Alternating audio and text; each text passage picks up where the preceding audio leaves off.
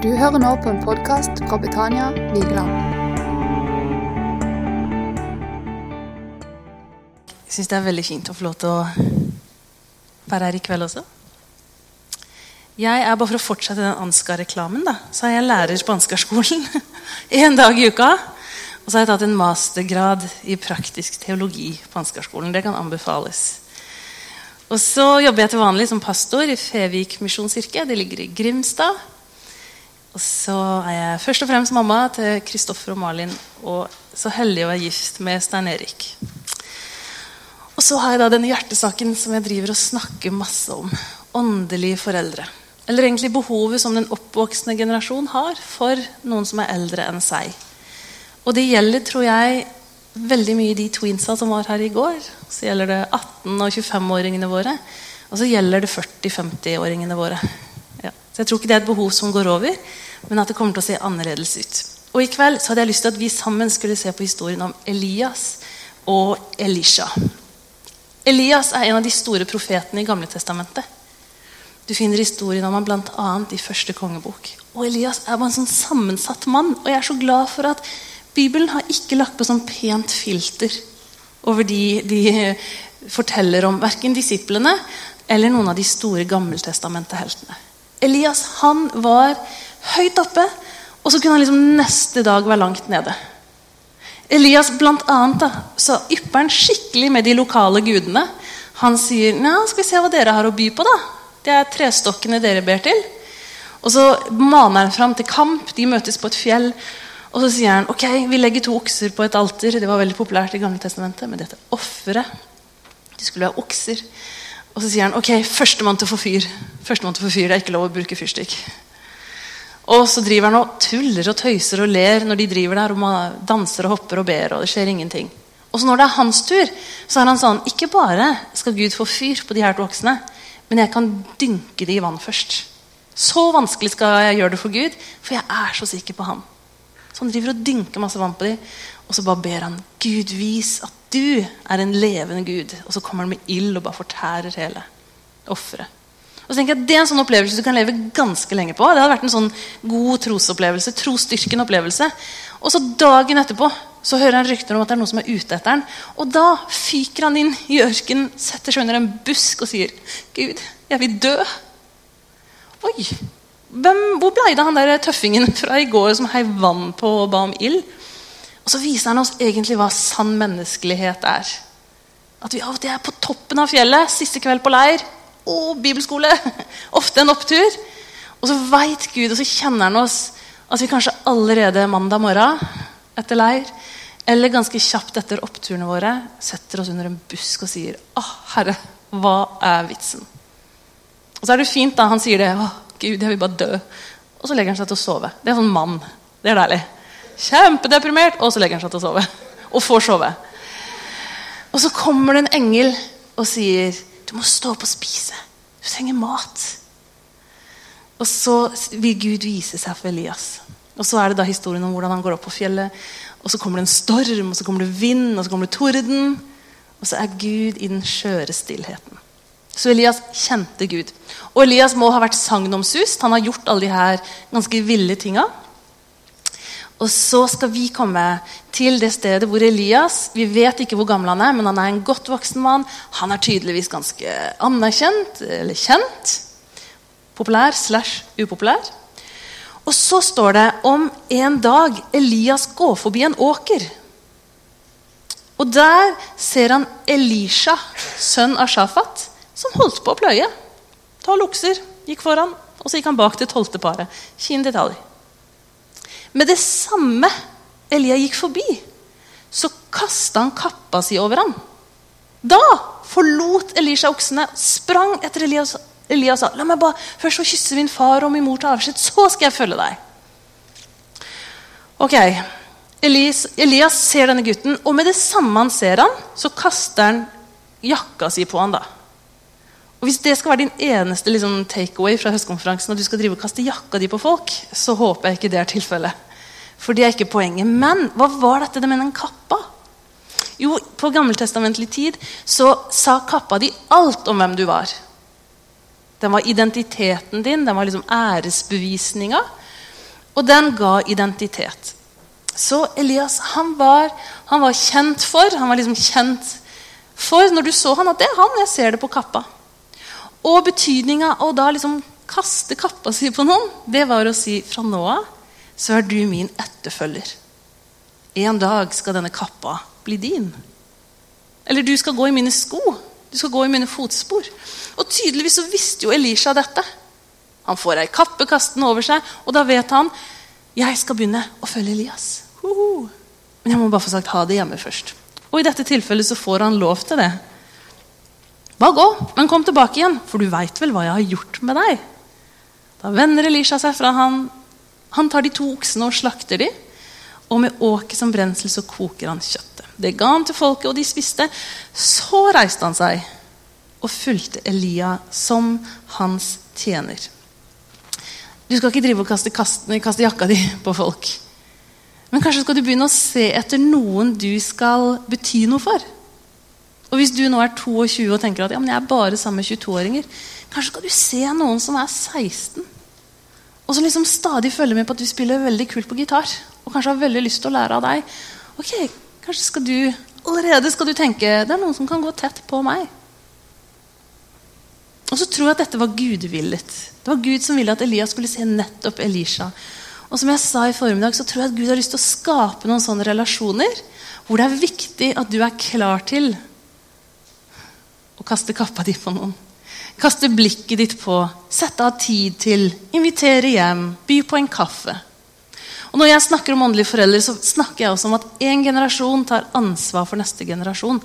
Og utfordringa til mange av oss er at vi enten er på et studentmøte eller på en søndag klokka 11, og så er vi liksom hver for oss. Og så lurer vi på hvor vi skal møtes. Og mitt fremste tips er jo da for oss som er for gamle, tror vi, til ungdomsmøte, så må vi gå på ungdomsmøte. Og mitt liksom råd er bli forbeder. Det er alltid lengst kø til de gråhåra forbederne. Det er alltid så trygt å ha med noen godt voksne på leir eller på en ungdomshelg.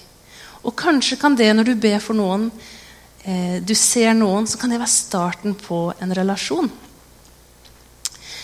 Og så blir Elisha da Elias sin du kan si en åndelig sønn. Han følger Elia og får se denne mannen gjøre igjen store under. Og så må vi også si at det er noe av det som er vanskelig å forstå. Men det er ingen tvil om at Elia var utvalgt og kalt av Gud. Og nå har dette kallet og utvelgelsen også blitt Elisha sitt liv og sin fremtid. Du er også kalt, og du er utvalgt av Gud. Gud har en hensikt med livet ditt. Han har ikke en sånn tynn, rød tråd du må prøve å finne. Det er planen liksom i detalj. Men han har en hensikt med livet ditt. Og så tror jeg at han ganske kjapt sier at du skal finne noen som kan følge etter. Selv om du ikke er på plass og helt framme.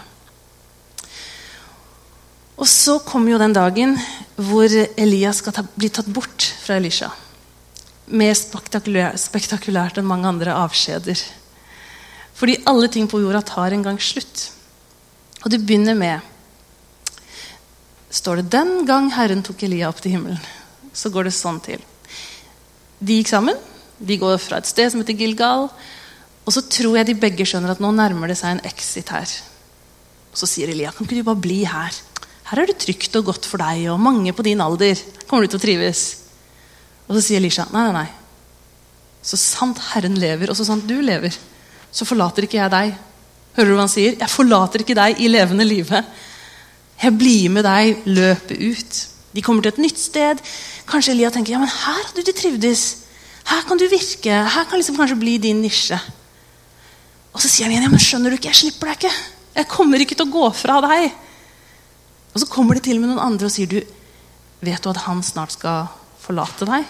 Og så sier han jeg veit det. Ti bare stille. Og så sier han igjen. 'Bli her, Elisha'. Og så sier de om og om igjen, så er de på fire forskjellige steder hvor Elia prøver å få han til å bli, og Elisha sier 'nei, jeg slipper deg ikke'. Og så får de høre ryktene om at det skal skje noe.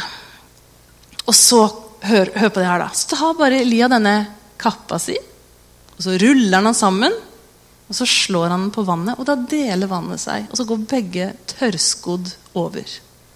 Og mens de tusler der, litt sånn dagligdags, over den tørre havbunnen, eller elvebunnen, så spør Elia si meg, hva kan jeg gjøre for deg før jeg blir tatt fra deg? Og så sier Elisha, la meg da få din ånd i dobbelt mål. La meg få det du har opplevd, gange to. La meg få dobbel dose. Og så sier Elias det er vanskelig det du ber meg om. Men hvis du ser meg når jeg blir tatt bort fra deg, så skal du få det. Ellers ikke. Er dette stormannsgalskap? Er dette grådig? Er det å si 'Det var ålreit, det du presterte. Jeg har tenkt å gjøre dobbelt så mye, Elisa. Elias, gi meg det.' Vet du hva? Jeg tror det er kjempenaturlig at den generasjonen som kommer etter, har lyst til å nå lenger. Vi løper fortere, hopper høyere. Vi skal alltid bryte verdensrekorden, ikke sant? fordi det skal gå fremover. Så når Elisha har lyst på dobbel del, dobbel dose, så er det helt naturlig. Og jeg tenker at vi og dere som er enda eldre enn meg, skal være oppmuntra på at neste generasjon har lyst til å oppleve mer enn det du har opplevd. Og ikke tenk det som kritikk. Og ikke tenk det som ja, ja, sånn tenkte jeg også en gang. Så fint å være ung og idealistisk. Men be om det. At neste generasjon på Betania Vigeland skal se enda flere frelst enn det dere har. Det er et engelsk uttrykk. Det er også mange av de. Men ett av de er bra som kan være et, et mål for oss. Og det, står, det sies Our roof is their ceiling. Vårt tak er deres gulv. La oss sørge for at neste generasjon på en måte starter på vår topp. Og så blir det startpunktet, og så går de enda høyere. Jeg ber om at vi skal se en generasjon som når Norge på en enda tydeligere måte med evangeliet. Jeg ber om enda flere misjonærer i den generasjonen som i dag er unge og reiselystne. Jeg ber om en generasjon som for første gang på mange år egentlig er en minoritet i dette landet. Jeg ber om at de skal bli et skikkelig lys. Kjempesalt i, en, i omgivelser som er veldig annerledes fra da du vokste opp. Hvis du er eldre enn meg. Og så skjer jo det da at eh, at Elisha sier vet du, jeg vil ha dobbelt av det du har, fordi jeg har tenkt å nå lenger enn deg. Jeg har lyst på mer enn det du har smakt på. Og jeg husker selv, når jeg var i begynnelsen av 20-åra, da var jeg i Ungdom i oppdrag på Flekkerøya. Og så var jeg så heldig å kjenne Jeg hadde mange venner der, men det var ei som hadde en bestemor som var helt spesiell. Hun var blind, og hun brukte all sin tid i senga med hendene løfta i været, og så var hun med Gud. Og selv om hun var blind, så så hun Gud. Og Jeg var så heldig at jeg fikk lov til å være litt sammen med henne. Jeg husker Hun hadde en kassettspiller. tenkte jeg. Det var faktisk litt ut allerede da. Men den kunne hun håndtere. Og så lå hun og hørte. Tale på tale. Hørte Guds ord lest inn. Og så bare fylte hun seg med det ene. Og så tror jeg at hun hadde et skarpere syn enn mange av oss. Og så fikk jeg be med henne. Og så sa jeg det. Gud, jeg har lyst på dobbel del av det hun her har. Og så fikk jeg til å legge hendene på meg og be om at noe av det hun hadde opplevd, også skulle bli mitt. Og jeg ber om at mitt hjertes øye skal bli som hennes, sånn at jeg en gang kan se Gud her. Det skjer mens de går og snakker sammen, at det kommer en ildvogn med ildhester foran. Og så blir Elia tatt opp til himmelen i denne stormen. Og da Elisha ser det her skjer, så roper han, 'Min far, min far! Israels vogner og hester!' Og når han ikke kunne se Elia lenger, så tar han tak i klærne sine og så river han de i to. Og Det er tegn på sorg, fortvilelse og ja, forferdelige, følelser av tap.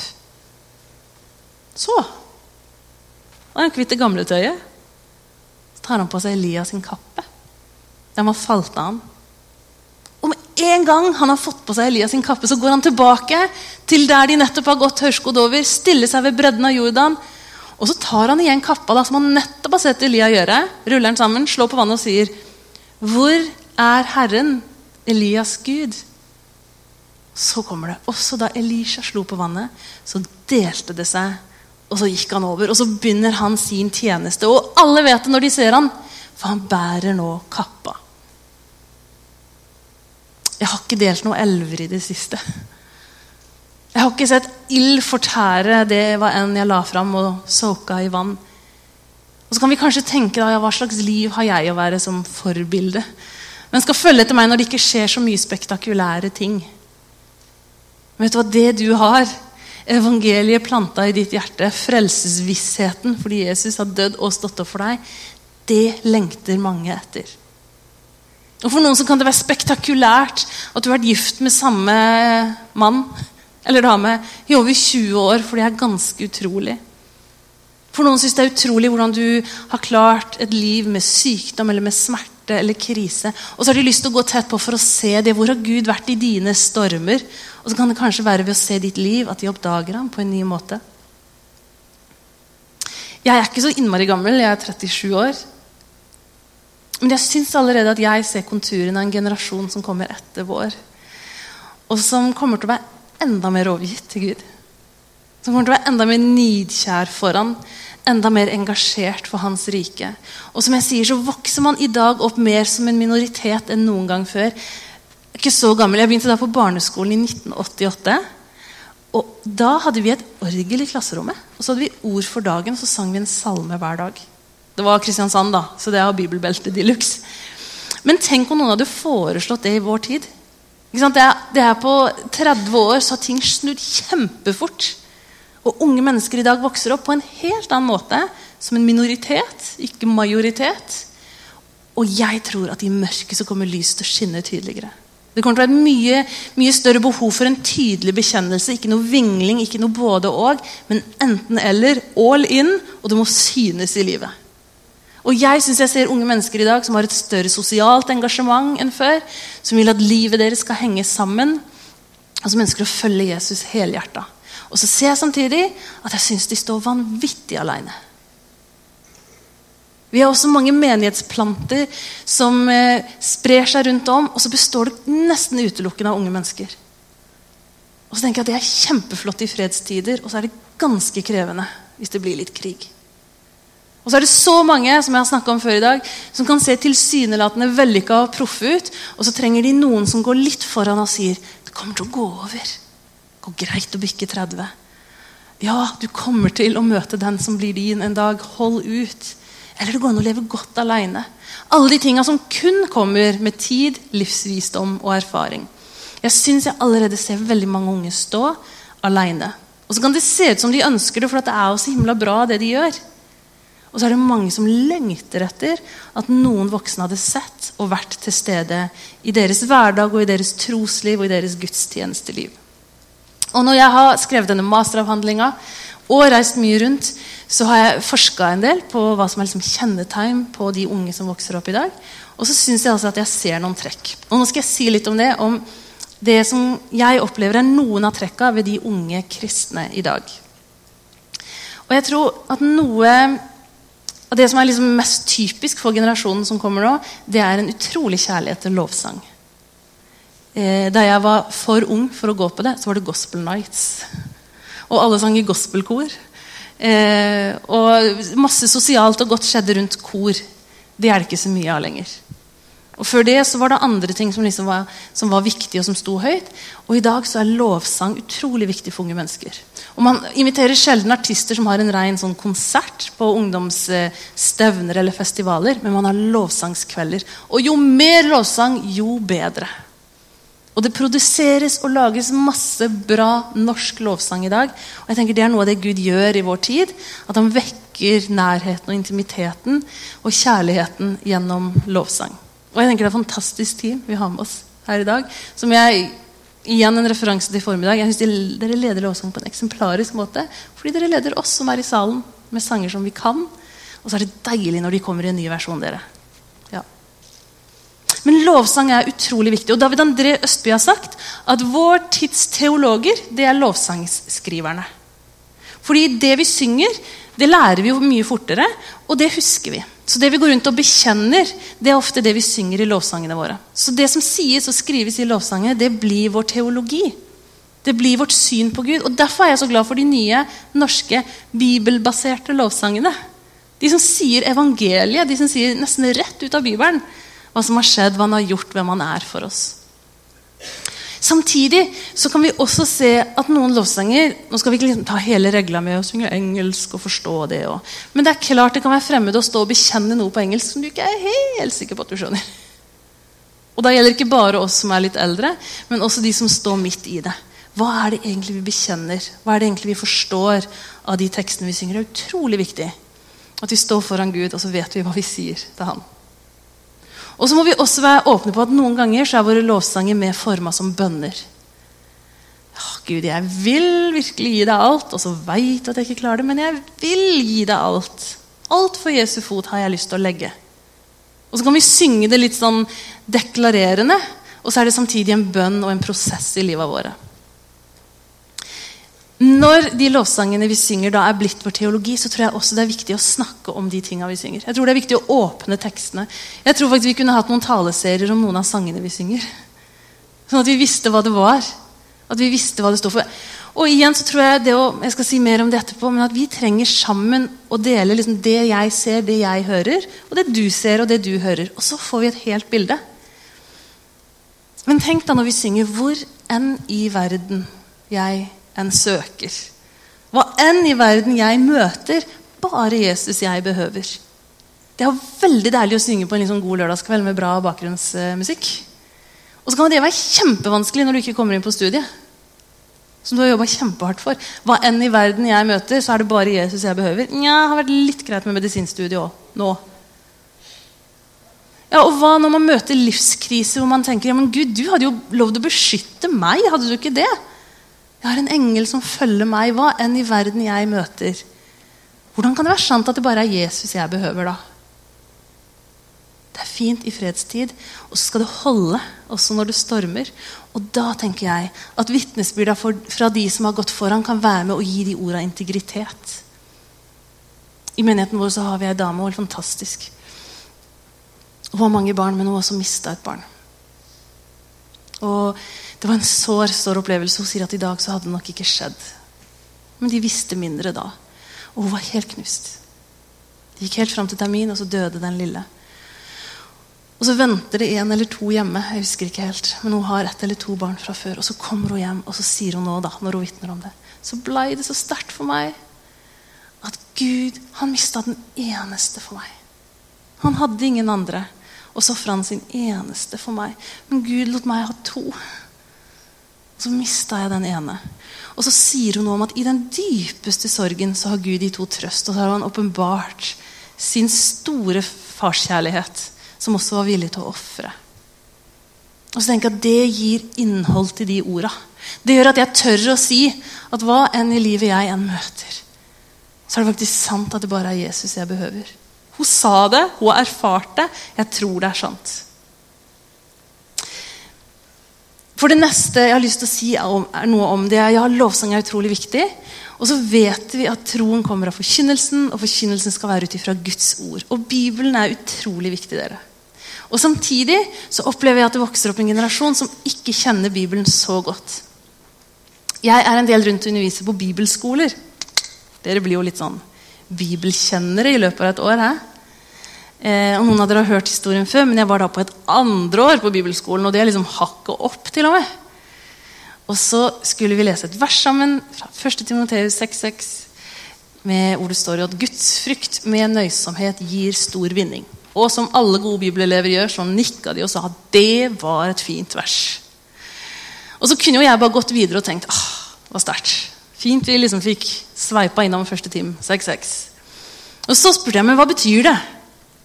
Ah, jo, gudsfrykt det hadde de egentlig ikke hørt om før de kom på bibelskolen. Hva er det å frykte Gud? Noen av de tenåringene jeg hadde i en bibelgruppe, syntes det hørtes fryktelig skummelt ut. Hæ? Gudsfrykt? Skal vi gå rundt og være redd hele tida? Så fikk vi snakke om ærefrykt, om å anerkjenne at du er Gud og jeg er menneske. Og Gudsfrykt egentlig handler om å bare holde seg så godt fast i hånda hans at du vet at du er båret alltid. At ikke det er en redsel, men det er en sånn jeg har lyst til å holde meg nær til deg fordi du er større. Ok, gudsfrykt er bra. Og så spør jeg, men hva er nøysomhet, da? Igjen prektige bibelskoleelever opp. Opp med henda. Og alle hadde samme svar på hva nøysomhet var. Det var nemlig å være veldig sånn nøye og pirkete. De så for seg folk som satt med broderi og måtte være ordentlig nøysom når du traff rett og det ble et bra bilde. Og så sa jeg nei, det er faktisk ikke det nøysomhet betyr. Det betyr å være forsiktig med ting. Det er liksom ikke to pålegg på ei skive. Det er en generasjon som ikke kaster så mye, som bruker om og om igjen. En utdøende generasjon, for å være helt ærlig, i, vår, i vårt land. En generasjon som har måttet være forsiktig med det de har, være nøysomme med pengene sine. Være nøysom med det en har. Og da ble jo det liksom et helt annet vers. For de har da tenkt at det å ha ærefrykt og respekt for Gud sammen med at du er veldig pirkete, da får du stor vinning i livet. Og så tenker jeg, Det var rart at de syntes det var et så fint vers. da. Og når vi opplevde at det å frykte Herren og også være, være nøye med de tinga du har, passe på tinga du har Tenk at ikke du trenger masse større, bedre bil, bedre båt, større hus. Men tenk at vet du hva, jeg er tilfreds med det jeg har. De to tingene sammen tommel opp. Stor vinning i livet. Og Det var kjempedeilig å få åpna det verset. da. For neste gang vi leser det, så forstår vi det på en annen måte. Og hør, Jeg tror vi litt for lett har tenkt å vi har sånn SMS-tjeneste. Pusher ut masse, eller ett bibelvers hver dag hele året. Og så tenker vi nå har de fått Bibelen. Nå har de fått Guds ord. Og så er det veldig mange som enten ikke får lest, eller som ikke forstår. Og jeg sier at vår tid trenger Filipper. For Philip var en av apostlene, en av gutta til Jesus, som sto i sitt livs drøm, egentlig. Her var det blitt vekkelse. Han var sammen med noen av de andre gutta. Og det var her det skjedde. Folk ble frelst. De begynte å tale i tunger. De ble, de ble døpt. Åh, han var liksom i sitt ess. Og så kommer det en engel og sier, 'Gjør deg klar og dra sørover på veien fra Jerusalem til Gaza. Og så deilig så står det dette er en øde strekning. Hæ? Her er jeg liksom der det skjer, og så skal du ha meg dit? Det er jo ingenting som skjer på en øde strekning. Og så er han lydig, og så drar han likevel. Og Så får han se en etiopisk hoffmann som sitter i vogna si. og På den tida så leste man alt høyt. Og Han hører altså at han har vært i Jerusalem for å tilbe, og at han sitter og leser fra Jesaja. Og så sier Den hellige ånd til Philip, gå bort til vogna og så hold deg tett opp til den. Philip springer bort, og når han hører at han leser fra Jesaja, så spør han det store 10 000 kroner-spørsmålet som vi også må stille hverandre. Forstår du det du leser? Forstår du SMS-en? Forstår du den kjempe... Det er veldig fint design på en del av de bibelversene vi pusher ut. også på Insta. Men forstår du det du leser? Og så sier han, hvordan skal jeg kunne forstå når ingen forklarer det for meg? Så ber han Philip komme opp i vogna og sette seg ved siden av ham. Jeg tror vi trenger å lese Bibelen sammen og så tror jeg vi trenger å spørre hverandre forstår du det. Og tro ikke at det bare er du som er den eldste som kommer til å ha alle de rette svara. Kanskje er det nettopp du som blir kjempeinspirert av hvordan de unge leser og forstår Guds ord i dag.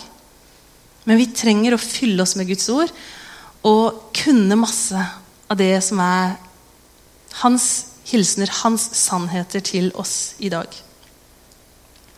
Jeg sa tidligere i dag også at unge mennesker i dag lever under et utrolig press om å ikke bare være bra, men best. Før var det vanlig at man ble det mamma og pappa var. Sønnen til snekkeren ble snekker. Og så ble ofte datteren av mor si husmor. Og så fulgte man liksom slekters gang. I dag så kan du bli hva du vil. Det har aldri vært så mange studieretninger å velge mellom. Og mange sier 'så heldig de unge er i dag'. Og så sier noen tilbake 'så vanskelig det er å være unge i dag'. Og så får man høre at man også kan bli Norges neste superstjerne. Hvem som helst kan bli Norges neste superstjerne. Eller idol, da. Og det er ganske stor fallhøyde å erklære på norsk TV at 'jeg er Norges nye idol', til å komme inn på audition og få høre at du helst bare burde synge i dusjen fra nå av. Det er ganske mange selvbilder som har fått sånn alvorlig knekk. Av å stille seg fram med troen på seg sjøl. Og som en som hadde sunget så surt så det gjalla der inne. Og jeg syns så synd på han, fordi dommerne bare Dusjen neste. Eneste stedet du får lov å synge, unge mann. Ja, men mamma sa jeg sang så fint, sa han. Så står han med tårer i øynene når de intervjuer og klemmer han etterpå. Så sier han, men i det minste så fikk verden se meg. Og så tenker jeg at det er det tristeste jeg har hørt. Du må stille opp på audition på TV for å bli sett. Og hvis alle skal bli kjendiser og stjerner og ønsker å bli sett Hvem skal være de som ser? Hvem skal være de som bygger? Hvem skal være de som har ganske så vanlig A4-liv, som mange av oss ender opp med å ha? Og hvis drømmen da var Norges nye idol, så kan det se litt stusslig ut. Og så tror jeg at vi som følger Jesus, som også liksom har tenkt at det skulle se sånn og sånn og sånn ut, trenger å oppdage det utrolig store i det lille.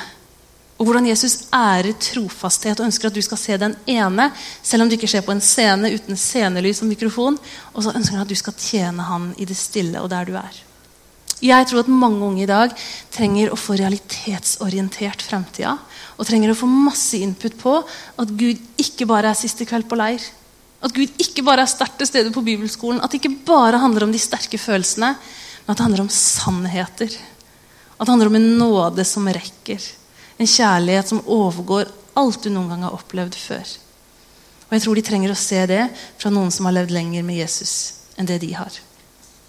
Så hvem skal være der, da? Hvem skal være de åndelige foreldrene? Hvem skal begynne å se en fantastisk fremadstormende generasjon? Jo, det tror jeg er du og meg. Og jeg tror du kan begynne nå. Han her karen ble intervjua på Rådhusplassen i Oslo. Ikledd fullt skaterutstyr. Fortalte at Forrige år så hadde han brukket ryggen og ligget ganske lenge på sykehus. Det første han gjorde når han slapp ut, det var ned og skate igjen. For han sa vet du, jeg er kanskje 60 i kroppen, men jeg er 20 i huet. Og det er egentlig ganske mange. Som vi sa i dag tidlig, at sosiolo Sosiologien sier at Ola Nordmann føler seg voksen når han er 38 år. Og mange vil også etter den alderen si ja, men jeg har ikke lyst til å bli gammel, jeg har ikke lyst til å bli voksen. Jeg har lyst til å henge med tenåringene på Rådhusplassen og skate. Og så tenker jeg at det er jo fantastisk hvis du inntar rollen som far. Men hvis du prøver skikkelig hardt å være like kul som de, og snakke sånn som de og kle seg sånn som de, så er det egentlig bare litt trist. Og så er det mange som sier det. Og det er fint det du sier om å være på ungdomsmøtene og være med de unge, men jeg er bare ikke kul nok. Og da er det så deilig å si at du trenger ikke være kul, men du må være trygg. Og så tror jeg at jo mindre du prøver, jo bedre lykkes du. Vær deg. Vær ærlig på at ikke du skjønner de her tekniske greiene. Vær ærlig på at ikke du skjønner all slangen, og prøv for all del ikke å snakke den. Men bare vær deg. Vær trygg. Og Det kan være så lite som at du bare er på møtene, at du velger å vise at du er til stede. Som at du velger å se noen som du inviterer hjem til deg, og som du sier vet du hva? Her er nøkkelen under dørmatta. Mitt hjem er ditt hjem. Jeg har intervjua en del som er som åndelige foreldre i boka mi. Og eh, Bl.a. Ingrid Eskild, som er lærer på Ansgarskolen. Og på hennes kontor så skjer det veldig mye mer enn oppgaveveiledning. Der er det mye forbønn, tårer og livsvisdom. Av de, et av de parene jeg intervjuet, er Stiv og Anne Kristin. og De bor i Stavanger. Han er pastor i Imi kirka. Og De fortalte når jeg intervjua de, at hver høst så møtte de bibelskoleelevene. Så sa de vi bor der og der. Og under den dørmatta ligger nøkkelen. Og Hvis du trenger å spise middag i en familie i løpet av dette året, ikke Fjordlands på hybelen, så bare ring oss. Kom. Ubedt. Vi er her. Og så er det en ganske stor bibelskole. Så jeg tenkte wow, hvordan klarer dere det? Så, så vet du, Det er faktisk ikke så mange som kommer uten en veldig sånn personlig invitasjon. For de her selvsikre idolungdommene de kan være ganske forsiktige med å by på seg sjøl og er veldig redd for å trenge seg på. Men sa hun Nesten hver avslutningsfest så er det noen som kommer og sier Vet du at den nøkkelen under matta deres har gjort at jeg alltid har visst at jeg har et sted å gå? Så har du tenkt ja, men du har aldri kommet. Nei, men jeg har visst. Jeg har visst at jeg hadde et sted å gå. Det har vært en mamma og pappa tilgjengelig. Og bare det at vi har gitt hverandre en klem på søndags formiddag, det har fått meg gjennom første året hjemmefra. Det skal så lite til for å se de som kommer etter oss. Og vi er ikke Eliar som har fantastiske vitnesbyrd om de store, spektakulære tinga. Og kanskje er det litt bra i møte med en generasjon som kanskje nettopp trenger å se Gud som stor i det lille, hverdagslige, til tider kjedelige voksenlivet. Men i det er Gud. Og jeg tror at han holder på å vende fedrenes og mødrenes hjerter til barna. Og så står det at han skal vende barnas hjerter til fedrene og mødrene. Men jeg lurer på om de bare står klare allerede. Jeg opplever i hvert fall at så mange unge er superklare for voksenkontakt. Deres hjerter står klare. Og så er kallet og utfordringa vil vi se den ene, som for oss er den ene, som det kan bety en hel forskjell for.